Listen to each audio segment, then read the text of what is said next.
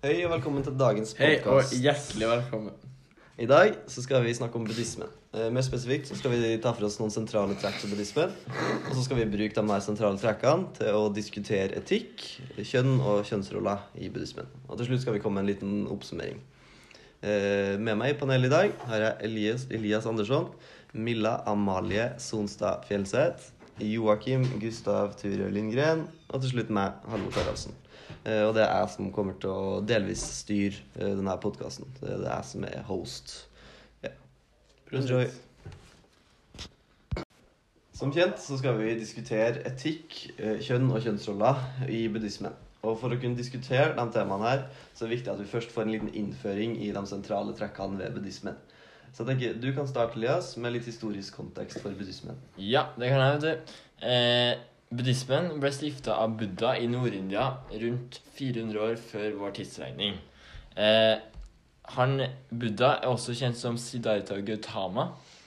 Han var en indisk prins som vokste opp i luksus og rikdom, og eh, hadde mye skjerming fra det vonde i livet, da. Mm. Eh, han skulle dra på en tur. Han fikk høre at uh, mennesker kunne lide og dø.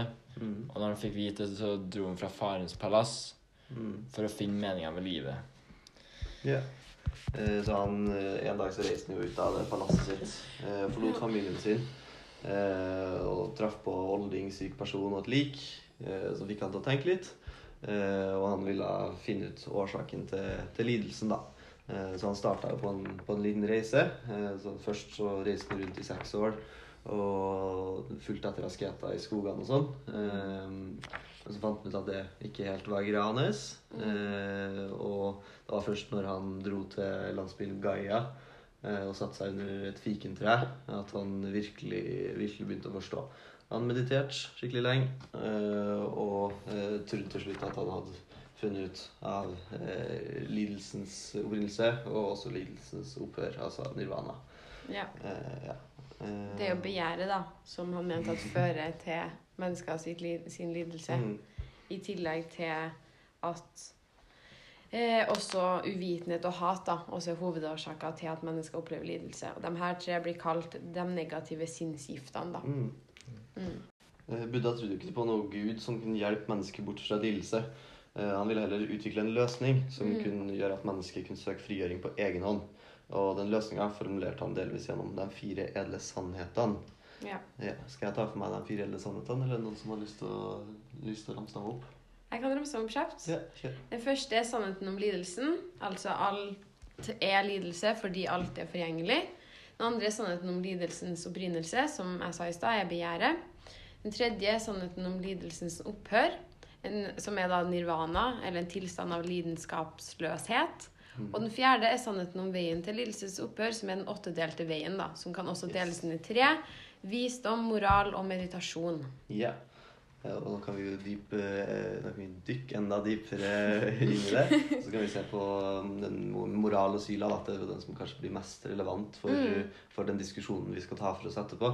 Ja. Eh, og den her, den moral eller syla da, er basert på to fundamentale prinsipper. Det likhetsprinsippet og det gjensidighetsprinsippet. Ja. Eh, og den innebærer at man skal ha rett tale, rett handling og rett levevei. Mm. Eh, innenfor rett handling så har vi jo de fem levereglene, da, eller de fem budene, eh, Mm. som vi også kommer til å ta for oss litt senere. Eh, som er at du skal ikke drepe, du skal ikke stjele, du skal ikke lyve, du skal ikke misbruke samleie, og du skal Mm. ikke konsumere alkohol eller andre rusmidler.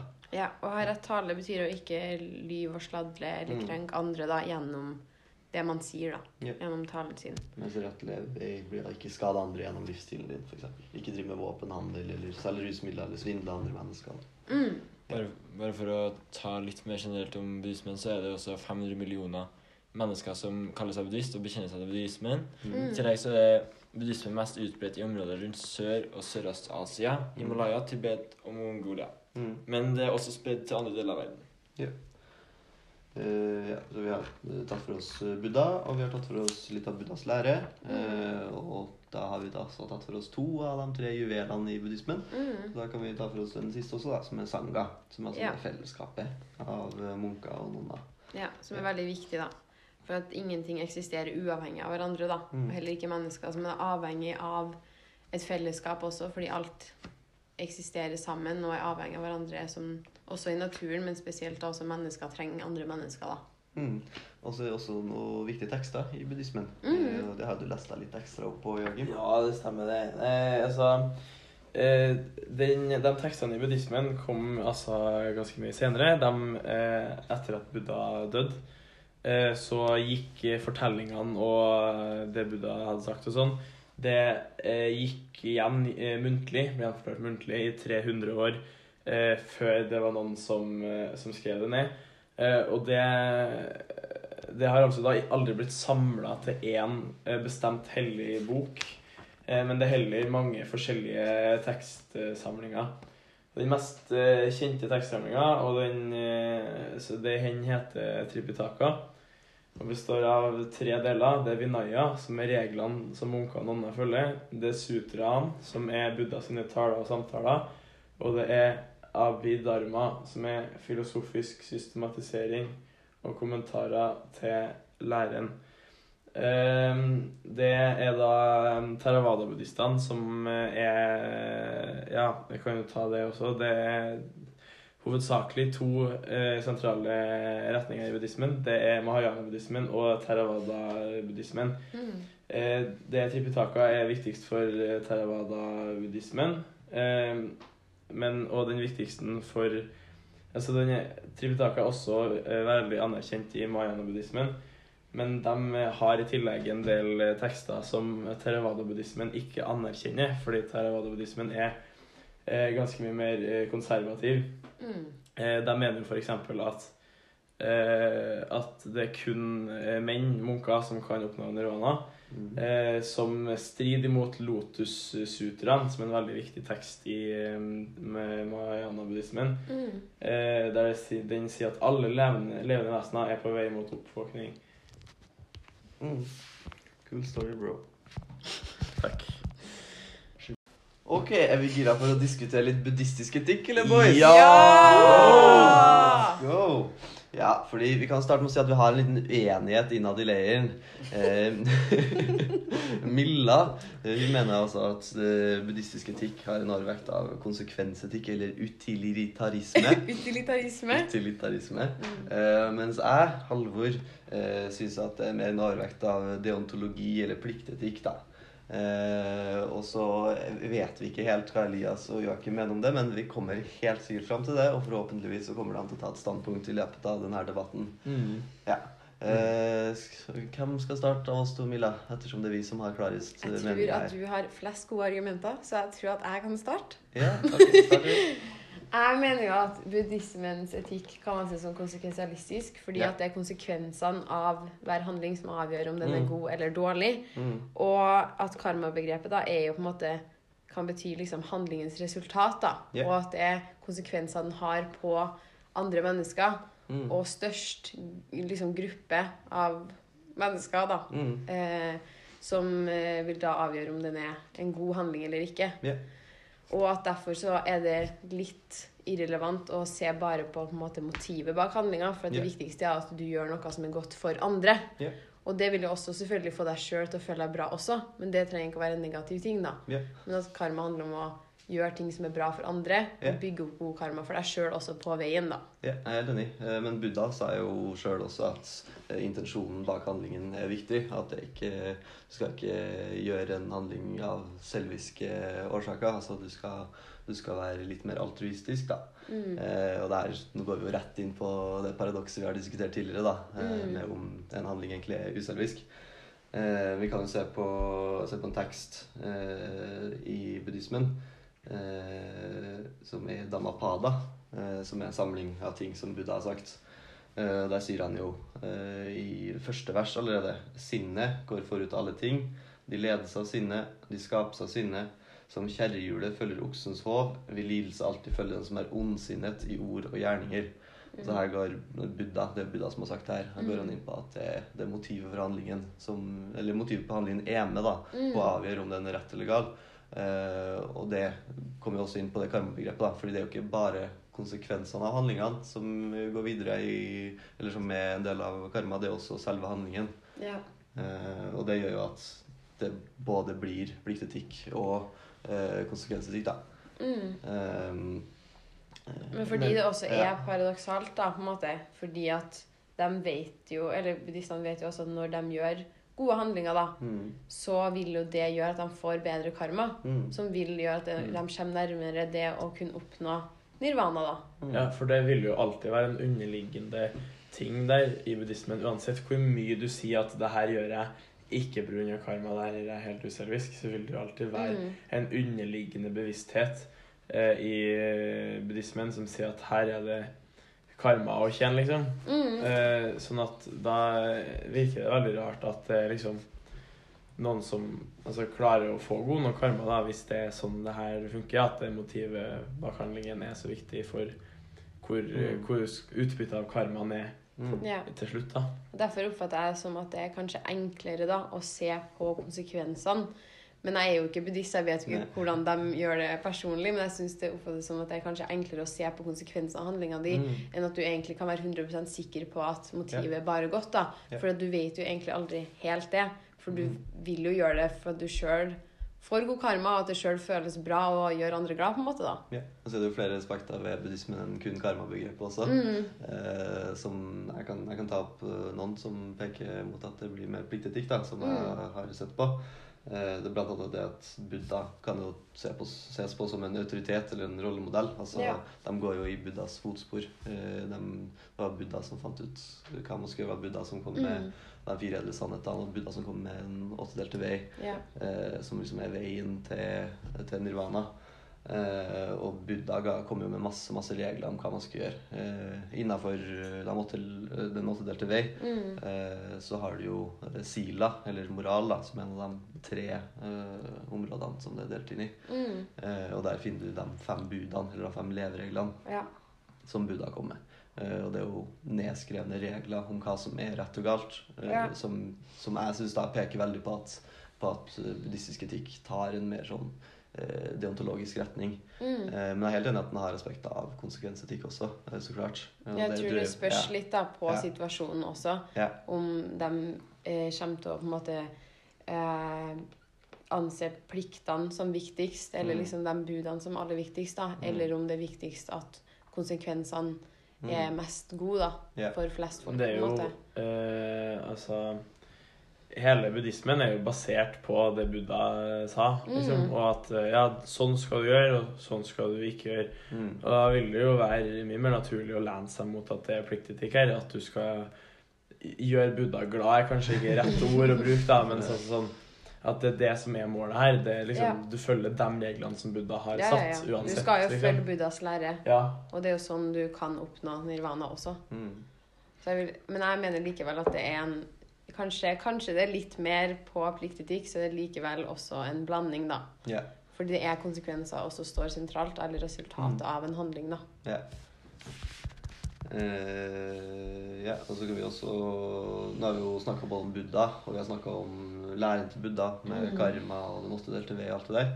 Eh, så kan vi like så godt ta fra Sangha også, altså fellesskapet, som er den tredje juvelen, eller den tredje tilflukten, da, og bruke det Mm. til å diskutere litt, eh, litt buddhistisk etikk.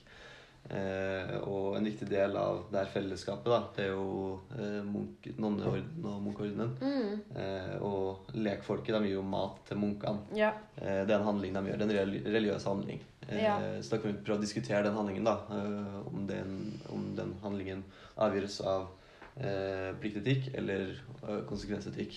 ja, fordi lekfolket får jo på en måte da god karma ved å gi munkene og nonnene mat og gaver. Mm. Og den handlinga i seg sjøl er jo en god handling. Mm. Men de gjør det jo, eller de vet jo at det vil gi dem god karma, da. Ja, Ja. det står jo i Jeg vet ikke om det er den boka her, men jeg tror det var religionsboka på ungdomsskolen. Så står det det å gi mat til munker anses som god karma og er derfor noe alle gjør, liksom. Ja. Mm. En uskreven regel, da. Ja. Men Eh, ja, for akkurat, eh, for akkurat her òg er det Jeg føler det eksempelet her blir eh, litt annerledes, fordi her er det jo også Det er kutyme i en større grad. Altså det er eh, Sånn er det per samfunnets normer, liksom. At det er ikke kun religiøse handlinger. Men man gir mat til munkene fordi sånn er det. Du skal gjøre det, liksom. Mm. At det er noe samfunnsfaglig inni her også, da, og ikke bare religion på akkurat det spørsmålet her, da. Ja, nei, det, det er et godt poeng. Ja, det er sant. Veldig sant. Men det er jo også fordi at det vil føre til liksom gode konsekvenser for munkene og nonnene også, da. Ved at du er på en måte hyggelig og god mot dem, da. Mm. Men det motivet er jo litt sånn Kan man jo stille litt spørsmålstegn ved, da. Ja. For at man vet jo ikke helt hvorfor folk egentlig gjør gode handlinger noen gang, da. Nei. Så vi kommer oss ikke unna det her paradokset med Nei. at man på en eller annen måte alltid vil prøve å gjøre eh, handlingene som er best for seg, Mm. selv om det også er best for alle andre. Ja. Mm. Og Buddha prøvde jo å løse det her med å si at du ikke skal gjøre handlinger for deg sjøl. Men det var også han som kom med karma-begrepet. Mm. Så, ja. Så det, det, altså det er jo logiske bryst i enhver religion, og det har vi jo kommet Men det her er ganske stor logisk brist, vil jeg si. For det står ekstremt sentralt. Selv om karma ikke er det eneste innad i religion, så er det jo Mm. det som er avgjørende for om du kan oppnå nirvana også, på en Ja, det er jo karma som ligger til grunn for samsara. Fordi Ja. det er jo liksom det at handlingene dine, liksom virkningen av handlingene dine vil jo fortsette i evig tid. Mm. sånn Mm. butterfly-effekt. Ja. Altså hvis jeg eh, Nå kommer jeg, kommer jeg til å komme opp med et skikkelig tett eksempel, siden jeg ikke har, har det skrevet ned. Men eh, hvis eh, du redder en gammel dame fra å dø, da, for eksempel, ja. ja, så kan det hende at den gamle dama eh, gir penger til en veldedig organisasjon senere. Mm. Og det vil jo være en konsekvens av at du redda den gamle dama. Og sånn vil det fortsatt evig til evig tid. Fordi Ja, ja, når hun gir penger til den veldedige organisasjonen, så kan den organisasjonen hjelpe folk, og de Mm. folkene kommer seg kanskje ut av en flyktningleir, og de, de Ja. får seg en utdanning, og så går det videre og videre. og videre. Og det er jo det som legger til grunn for den evige gjenfødelsessyklusen. Det, Mm. det med at virkningen av handlingene dine går videre for alltid. ja. Eh, at- Og du også da kan bli indirekte da straffa, eller ikke indirekte, egentlig, da, direkte, Yeah. eh, straffa for eh, på en måte tidligere liv, Mm. da, sine handlinger. Mm. Så ja. Blir født som kvinne og greier. Mm, litt sånn der som vi skal skal diskutere i kjønn. skjønn. Ja. Hvilke tanker har du om etikk i buddhismen, Elias? Uh, nei, jeg syns egentlig det er veldig rart da, at man skal bli dømt for noe man kanskje ikke har gjort tidligere. Mm. Samtidig Ja. som man eh, blir dømt for det man gjør der og da. Som er, man skal liksom ikke bli dømt for eh, Hvis man gjør en uheldig ting da, som har store konsekvenser, Mm. som du egentlig ikke er ment å gjøre, så mener buddhismen at det er jo dumt at du har gjort det, så du skal få liksom dårlig karma pga. det. Men hvis du gjør en ting med et uhell, så syns jeg ikke du skal få dårlig karma pga. den. Jeg syns det er urettferdig. da. Mm. Ja, og hvis det er med, jo- hvis det er med uhell, så, så blir det jo gjerne ikke en dårlig handling per bud. Men jeg skjønner hva du mener, da. Hvis du blir straffa skal Intensjonen, ja. Ja. Ja, det er intensjonen, men likevel, du kan jo på en måte bli straffa da, for Ja. ting som du egentlig ikke har noe kontroll over Ja. Mhm. i det livet du har nå. Det sant. Og også så kan det bli ansett også som at hvis du, det skjer noe dårlig med deg i det her livet nå, så kan du også bli straffa. Så det er en straff da, fra Mm. tidligere liv. Og det er jo, kan, er jo litt Syns jeg, da. Er Mm. litt sånn, Jeg jeg er litt skeptisk til det. da. Man, fortjener jo en ny sjanse, liksom. Ja, Mm. Sånn som Petter Northug. Sånn som Petter Northug. Ja, skal vi ta en, en, en siste runde med, med hvor, vi, hvor vi står hen på slutten av diskusjonen? Mhm. Ja. Eh, Du kan starte, Milla. Hvor står du? Er det pliktetikk eller er det konsekvensetikk? Har jeg overbevist deg, eller har jeg ikke? Det har ikke overbevist meg helt. Nei. Men eh, kanskje sånn 30-70, da. 30-70. Ja. 30% pliktetikk. Nei, 30 konsekvens. Ja, ok. Og 70 pliktetikk. Oi, oi, oi. OK, da Nei, vi jeg ganske, da. Joakim, hvordan står Eh, jeg jeg syns det er litt vanskelig å trekke en konklusjon basert på at jeg syns at det her etikkspørsmålet skurrer så veldig. Ja. Eh, men hvis jeg må velge, eh, så velger jeg jo pliktetikk, da. Faen. For det er jo eh, etter, eh, etter reglene som Buddha har satt, eh, satt og sånn. Det er Mm. de reglene man følger. Men jeg Mm. syns det paradokset blir så rart at jeg vet ikke helt om jeg vil velge en side. til noe, ja. Ja, Mm. Ja, nei, jeg står her alltid har slått, jeg. Eh, Det er veldig, ja. Ja, jeg syns det er en overvekt av pliktetikk, men jeg ser eh, helt klart at det også er mange mange innslag av konsekvens, Mm. konsekvensetisk tenkning. Ja. Eh, så jeg ville ha sagt at det er kanskje 60-40, da. 60 pliktetikk og 40 konsekvensetikk. Oi, oi, oi, oi. Jeg noe overraska din 70 Så her er det altså Milla som mener at det er mest pliktetikk? Elias, du til slutt. Hva, hva syns du? Pliktetikk, konsekvensetikk, begge deler? Jeg mener at det er pliktetikk. Ja. Mm. Ja. Supert. Neste meg. Ja, nå skal vi gå over til å snakke litt om kjønn og kjønnsroller i buddhismen. Eh, Jeg tenker du kan starte, Elias. Ja, og nå har ikke buddhismen vært det største eksemplaret på likestilling, så eh, når det kommer til det, så er det jo kvinner blir veldig sett ned på, da. Og har veldig, det er et veldig negativt kvinnesyn i buddhismen. Eh, og eh, det stammer vel fra da buddhismen ble stifta, eh, at kvinnesynet ble dårlig da, for at eh, Det er ulike grunner til det, da, men eh, i buddhismen så tenker de at eh, Eller så tenker ja, I buddhismen så står det at eh, eh, kvinner er veldig sett ned på fordi de har mye mer eh, negative handlinger eller negative gjøremål i livet. da. Sånn som å føde, som å få mensen, Mm. ulike ting som kanskje ikke, kanskje, kanskje ikke dra det til å s- ikke stå mens de tisser. Kanskje litt å ta i. Det er et ganske fint gode med å være mann. faktisk. Ja. Det jo det. Men eh, ja, dere skjønner poenget. Ja. Eh, eh, Du kan si at kvinner har dårlig karma, da. At de har blitt ja, straffa. Ja, ja, de har blitt straffa. Mm. Så hvis de har vært en mann i forrige liv, så har de sikkert gjort masse dumt. Mm. Som gjør at de har blitt kvinner, for eksempel, da. Mm. Det skaper et ganske sånn negativt kvinnesyn, for at Ja. det gjør jo på en måte også at kvinner ser ned på seg sjøl også. Eh, fordi at de tenker at de er er kvinner fordi og det er en straff å være kvinne. Og de håper at de kan bli en mann da, egentlig i neste liv. Mm. For det vil gjøre at det er større sannsynlig for at de kan oppnå nirvana. da. Mm. Ja, det så vi også i det Troa gjorde Mm. med jenta som skulle ønske hun var gutt. Og Mm. bare Ja, de, de virka nesten hjernevaska, liksom. Ja, det er Ja, de helt det var kjempefælt å være Ja, kvinne. Herregud. Ja. Um, Så rare greier. Men det er jo, stammer jo fra et ganske tradisjonelt uh, kjønnsrollemønster, det her, da. Mm -hmm. uh, sånn at uh, altså det, om det, det er vel i buddhismen at en kvinne er blir ansett som en, en bra kvinne, da, eller sånn som har oppnådd eh, sånn, Er best mulig kvinne hvis hun er flink til å passe på barna, flink til å passe på hjemmeøkonomien, flink til Mm. å holde det ryddig hjemme, liksom. Mm. Sånn at det går eh, altså Det er jo en veldig gammel religion og følger ganske gamle eh, kjønnsrollemønster. Mm. Ja. Det er en fin overgang til familielivet i buddhismen. da. Jeg har litt lyst til å snakke litt om det. Eh, og ta en sammenligning med en annen religion, eh, islam. Mm. Eh, jeg mener at buddhismen ikke er en særlig familieorientert religion. da. Jeg mener at familie ikke står sånn fryktelig sterkt i buddhismen. Nei, det er ganske uh, åpenbart òg, siden ja. de skal jo melde seg inn eller bli liksom Ja. munk og nonne, og da skal man jo ikke Mm. ha noe seksuell partner eller få barn eller noe. Mm. Og i tillegg til det så altså Buddha sjøl, som er liksom Som er rollemodellen, da. Han forlot jo familien sin for, Ja. for religionen sin skyld, liksom. For å oppnå nirvana. Ja. Eh, og det er jo, står jo i sterk kontrast til islam, da, hvor familielivet står sentralt også i religion, og hvor det er veldig faste roller for hva, Mm. hva menn skal gjøre, og hva kvinner skal gjøre, og hva barn skal gjøre. Ja. Eh, og det er liksom beskrevet i religion også.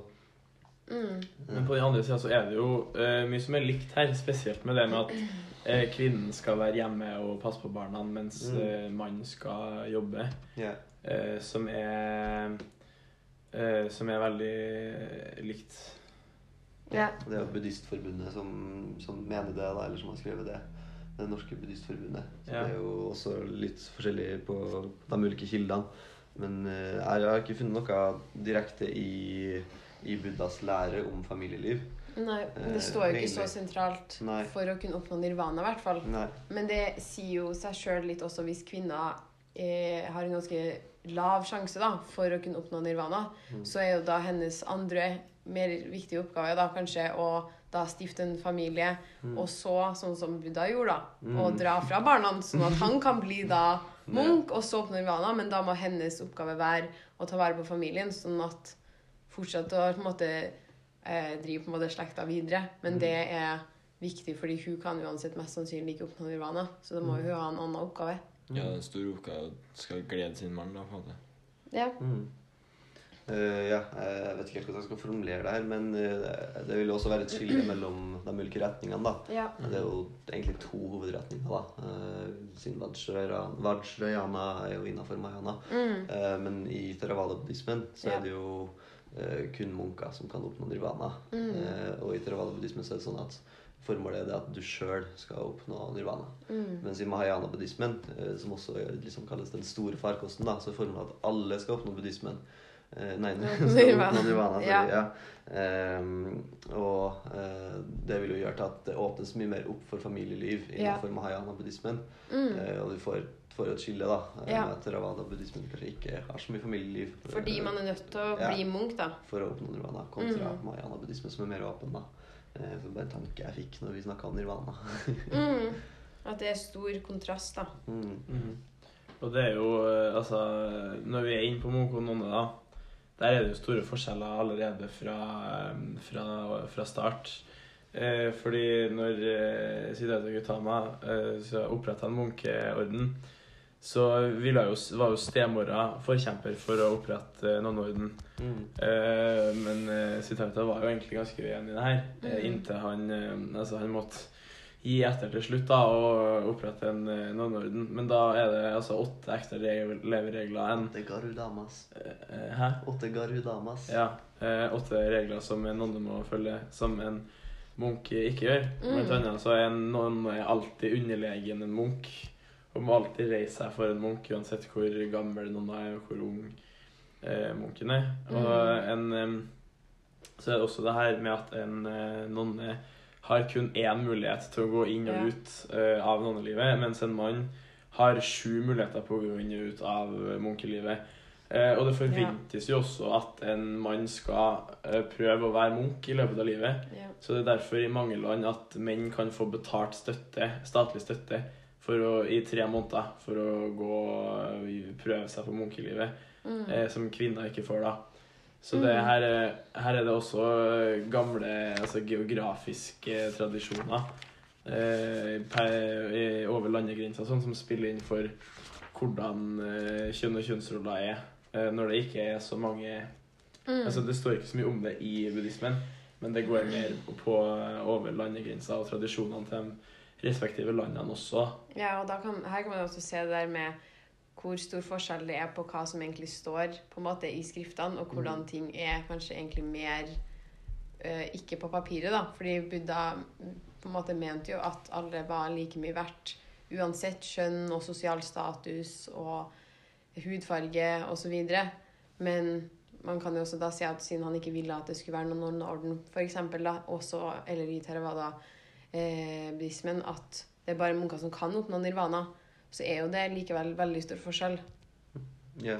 eh, Buddhaen vet vel ikke at man skal ha noe egenverdi? Unnskyld Ok, for at jeg Ikke like men- mye verdt, da, men at eh, alle er på likt nivå, Ja. da.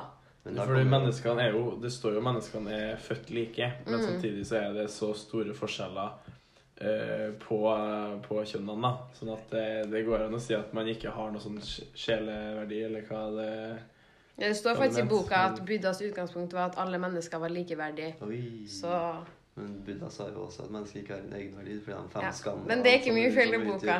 Beklager. Ja.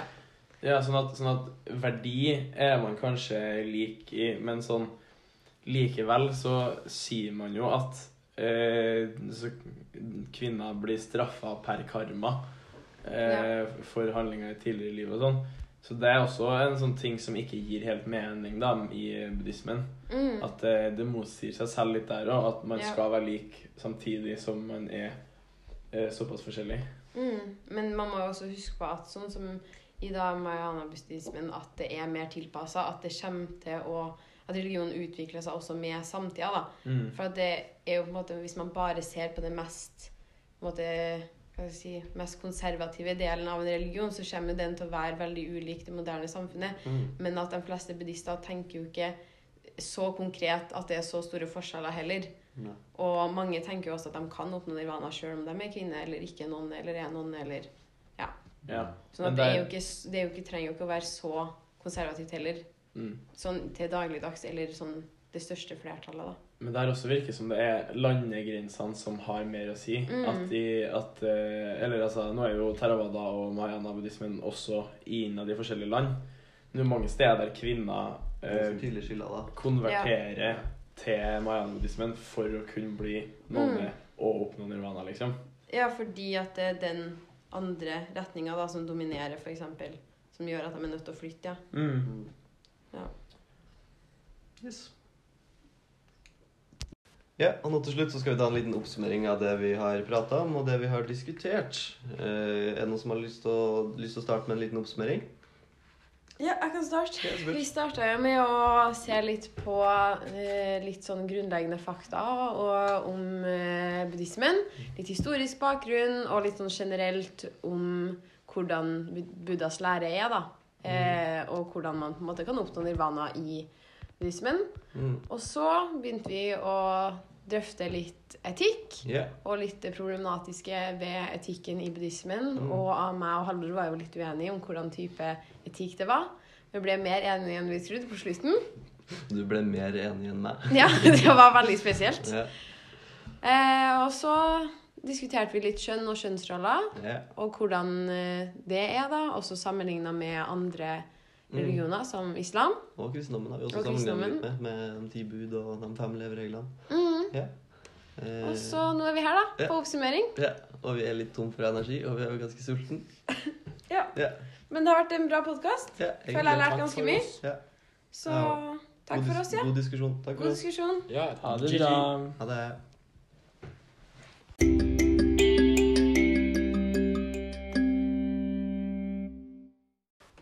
Podkasten er egentlig ferdig nå, så hvis du har dårlig tid, så, så trenger du ikke å høre mer. Men det oppsto noen bloopers i løpet av innspillinga som egentlig var ganske hysterisk morsom. Eh, Så, så gjerne hør på dem. De kommer nå.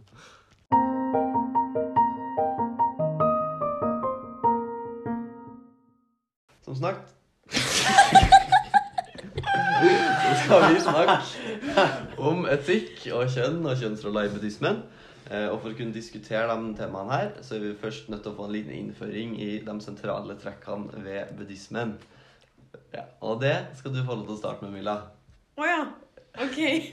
Jeg tenker egentlig at Elias kan starte med å legge litt sånn grunnleggende historisk eh, Ja, det- bakgrunn, da, Ja, det er egentlig. Ja. Ja. Eh, Buddha, han eh, ble stifta av Mm. Nord-India. Hva sa du nå? Buddha ble stifta av Nord-India! Jeg mente Buddhismen er stifta Buddhismen ble stifta av Buddha i Nord-India for rundt Det her ble en blooper. Vi må ha med den på slutten. Vi Du kan ikke slette den Vi her. legger til blooperen på slutten.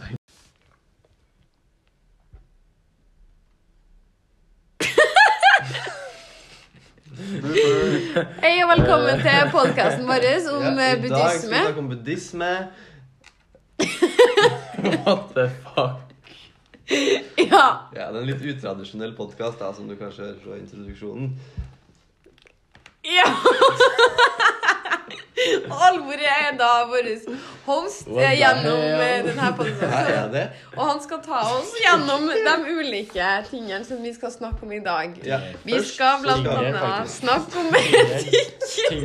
Og sentrale trekk. Og så kjønnsroller Og. Og så skal vi oppsummere så skal litt. vi ha en oppsummering. Ja, det har vi ikke gjort ennå. Men aller først så må vi gjøre ferdig introduksjonen. Og da tenker jeg vi kjører en liten navnerunde. Så da kommer, Vi tar en navn, kommer, første jeg, skole. ja, kommer jeg til å si navnene til Men skal vi ta navn? Jeg heter Milla. Nei, jeg skal si navnet. Ja, okay. Ta, ta tilbake. Stillhet, vær så snill. Stille. Ro i salen. Hysj. Hysj. Hysj. Hysj, da, Milla. Du skrik. Først Ikke skrik. Ikke, Ikke ikke. Slutt å si Gunilla. Da har vi Milla Amalie Sonstad Fjellenseth, som går i 3S til D.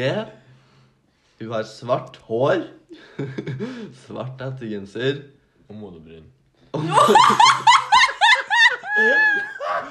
en mørk, mørk personlighet. Til høyre for meg sitter Joakim, også kjent som Gustav.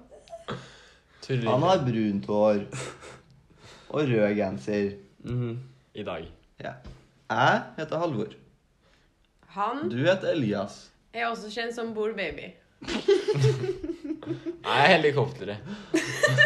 Ja. Altså med tissen. og. Ja. Ja, Noen går rundt og rundt. det, var, det trengte vi. OK, la oss sette i gang!